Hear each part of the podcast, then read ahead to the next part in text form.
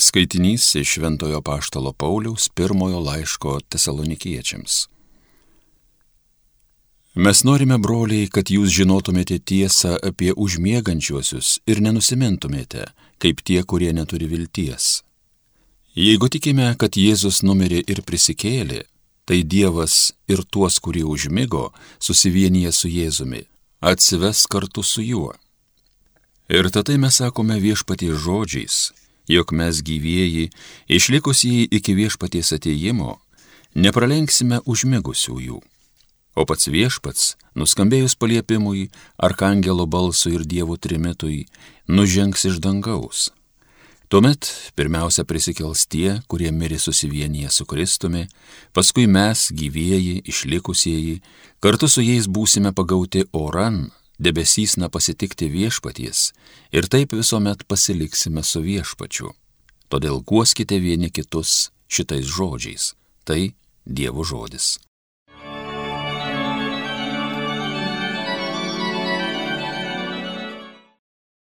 Viešpats ateina tvarkyti pasaulio.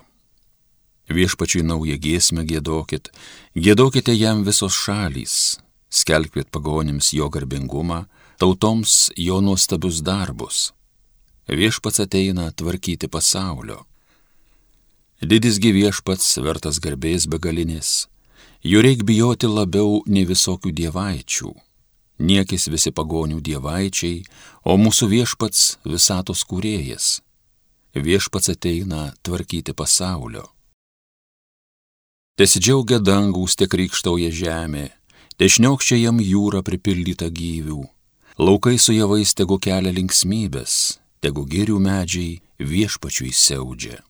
Viešpats ateina tvarkyti pasaulio. Kai jis šitą ateina, ateina tvarkyti pasaulio, jis tvarko pasaulį teisingai, ištikimiausiai valdo žmoniją. Viešpats ateina tvarkyti pasaulio.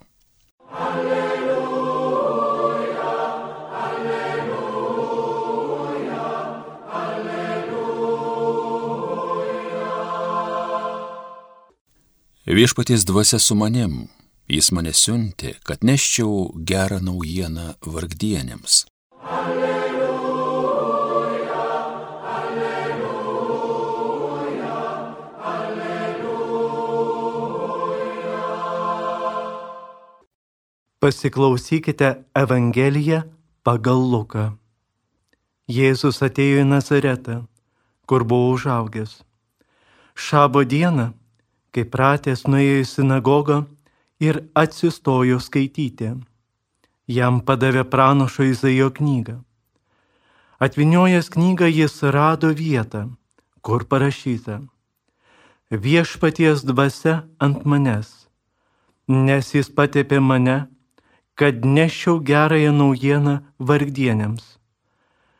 Pasiuntė skenti belaisviams išvadavimo, akliesiems regėjimo, siuntė vaduoti prisliktųjų ir skenti viešpaties malonės metų. Užvėręs knygą, Jėzus gražino ją patarnautojui ir atsisėdo. Visų sinagogoje esančių akis buvo įsmeigtos į jį. Ir jis pradėjo jiems kalbėti. Šiandien įsipildė ką tik jūsų girdėti rašto žodžiai. Visi jam pritarė ir stebėjusi maloningai žodžiais, sklindančiais iš jo lūpų. Ir jie klausė, argi jis ne Juozapo sunus? O Jėzus prabilo, jūs be abejo man priminsite patarlę, gydytojau, pats pasigydyk, padaryk ir čia savo tėviškėje darbų, kokiu girdėjome buvus Kafarnaume. Jis dar pridūrė, iš tiesų sakau jums, joks pranašas nepriimamas savo tėviškėje.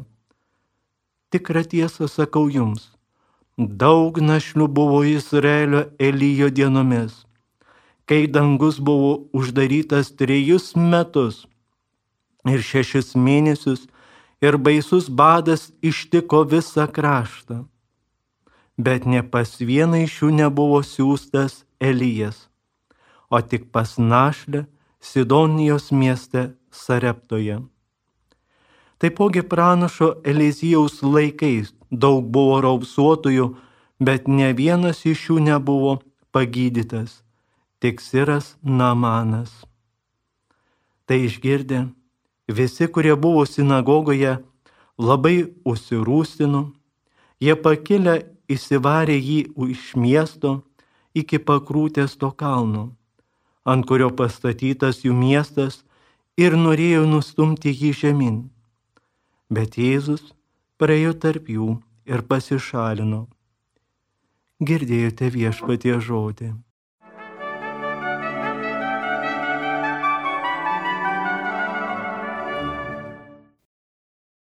Mėly brangus Marijos radijo klausytojai, šiandien Dievo žodis į mus labai nuostabiai prabyla. Ir Dievo žodis visada savėtų būdu mus prakalbina. Mums reikia visada išmokti klausytis Dievo žodžio. Tai yra mūsų gyvybės klausimas ir mus maitina. Labai gražiai ir giliai yra paaiškinęs popiežius Pranciškus, niekuomet neįstengsime Dievui pakankamai atsidėkoti už jo žodį, kuris yra raštuose. Būtent čia mūsų viešpaties Jėzaus Kristaus tėvas apsireiškia kaip ištvermės ir pagodos Dievas. Ką šiandien Dievas nori mums pasakyti? kada šiandien bažnyčioje minime ir didįjį popiežių, šventai Gregalių didįjį, bažnyčios mokytoją, ką šioje šventės progoje mums nori atskleisti. Ir tai labai svarbu mums visiems. Ir šventųjų pavyzdys rodo klausytis Dievo žodžių, gyventi. Ir šis biblinis tekstas iškelia mums labai tokią pažįstamą tiesą kad ne visada to gėrio pranašai yra priemami, dažnai atmetami ir savųjų nepripažįstami. Ši skaudi tikrovė atranda atitikmenis ir visų laikų bei vietų žmonijoje. Atmetimo momentas, kad ir kokiamis dimencijomis būtų pagristas, kartojasi ir šventųjų, ir kai kurių visuomenės veikėjų biografijose. Istorijoje mes matome daugybę žmonių, kurie norėdami gyvendinti vadinamą gėrio programą, susidurdavo su aršiu, kartais naikinančiu pasipriešinimu. Kodėl? Situacija verčia ieškoti priežasčių. Pirmiausia, vertėtų atkreipti dėmesį tai, kad Kristus pateikė savo misiją cituojamais pranašo Izaijo žodžiais. Taigi jis kalba izraelitų kultūros kalba. Neįmanoma teikti, kad buvęs nesuprastas dėl nesusikalbėjimo. Taigi šio konflikto šaknis slypi žymiai giliau.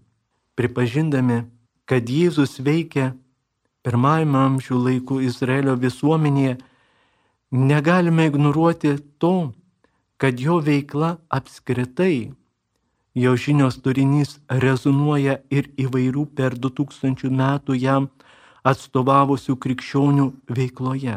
Stebėdami šį procesą, išvysame ištisą konfliktų grandinę.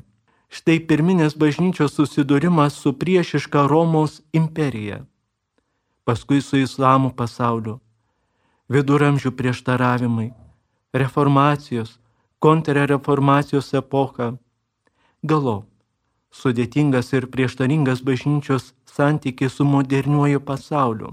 Atrodo, kad evangelinė meilė žinia dažnai sukeldavo priešingą rezultatą. Šie sambuvio tarp skirtingų žmonijos grupių principai yra tarsi nuoroda į tai, kad čia slypi gilesnė ir subtilesnė konflikto logika, besiriminti į gilius ir subtilius etinės problematikos klausimus. Brangiai Marijos radijo klausytojai, ši Evangelijos ištrauka galiausiai yra gyvas ir skausmingas klausimas, kiek žmogus šiandien yra pasiruošęs priimti Evangelijos žinę, bažnyčios skelbimą ir gėrių buvimą apskritai. Kaip dažnai drįstame apsispręsti už Kristų įvairiausiais kanalais nešant į mūsų pasaulį gyvybę ir džiaugsmą. O kiek laimi mūsų pačių žmogiškas ribotumas ir egoizmas. Kartu tai ir ženklas Evangelijos kelbėjams, mums visiems, skatinantis nesitikėti tik prieimimo ir tolerancijos, bet pasirengti susidūrimams, kuriuose reikės ir stiprybės, ir ištikimybės. O bažnyčia vėl klausia, ar esame pasiryžę priimti Kristų. Popiežius Benediktas XVI labai gražiai yra pasakęs, nieko netima, bet viską duoda. Mūsų gyvenimo pamatas yra Kristus. Nebijokime įsileisti Kristų į savo gyvenimą, kad persmeltų tą mūsų gyvenimą, sustiprintų ir perkeistų. Dievo žodis yra mūsų gyvybės duona, kaip ir popiežius Pranciškus mus drąsina. Niekuomet neįstengsime Dievui pakankamai atsidėkoti už jo žodį, kuris yra rašusi. Būtent čia mūsų viešpas Jėzus Kristus tėvas apreiškė, kaip ištvermės ir paguodos Dievas. Šitaip Dievas mus drąsina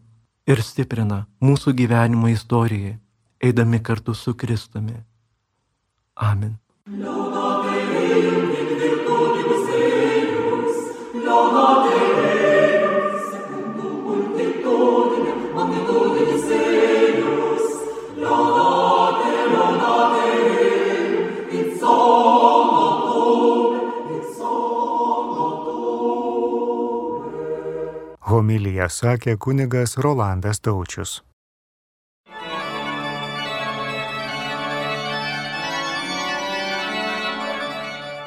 Homiliją sakė brolis pranciškonas kunigas Rolandas Taučius.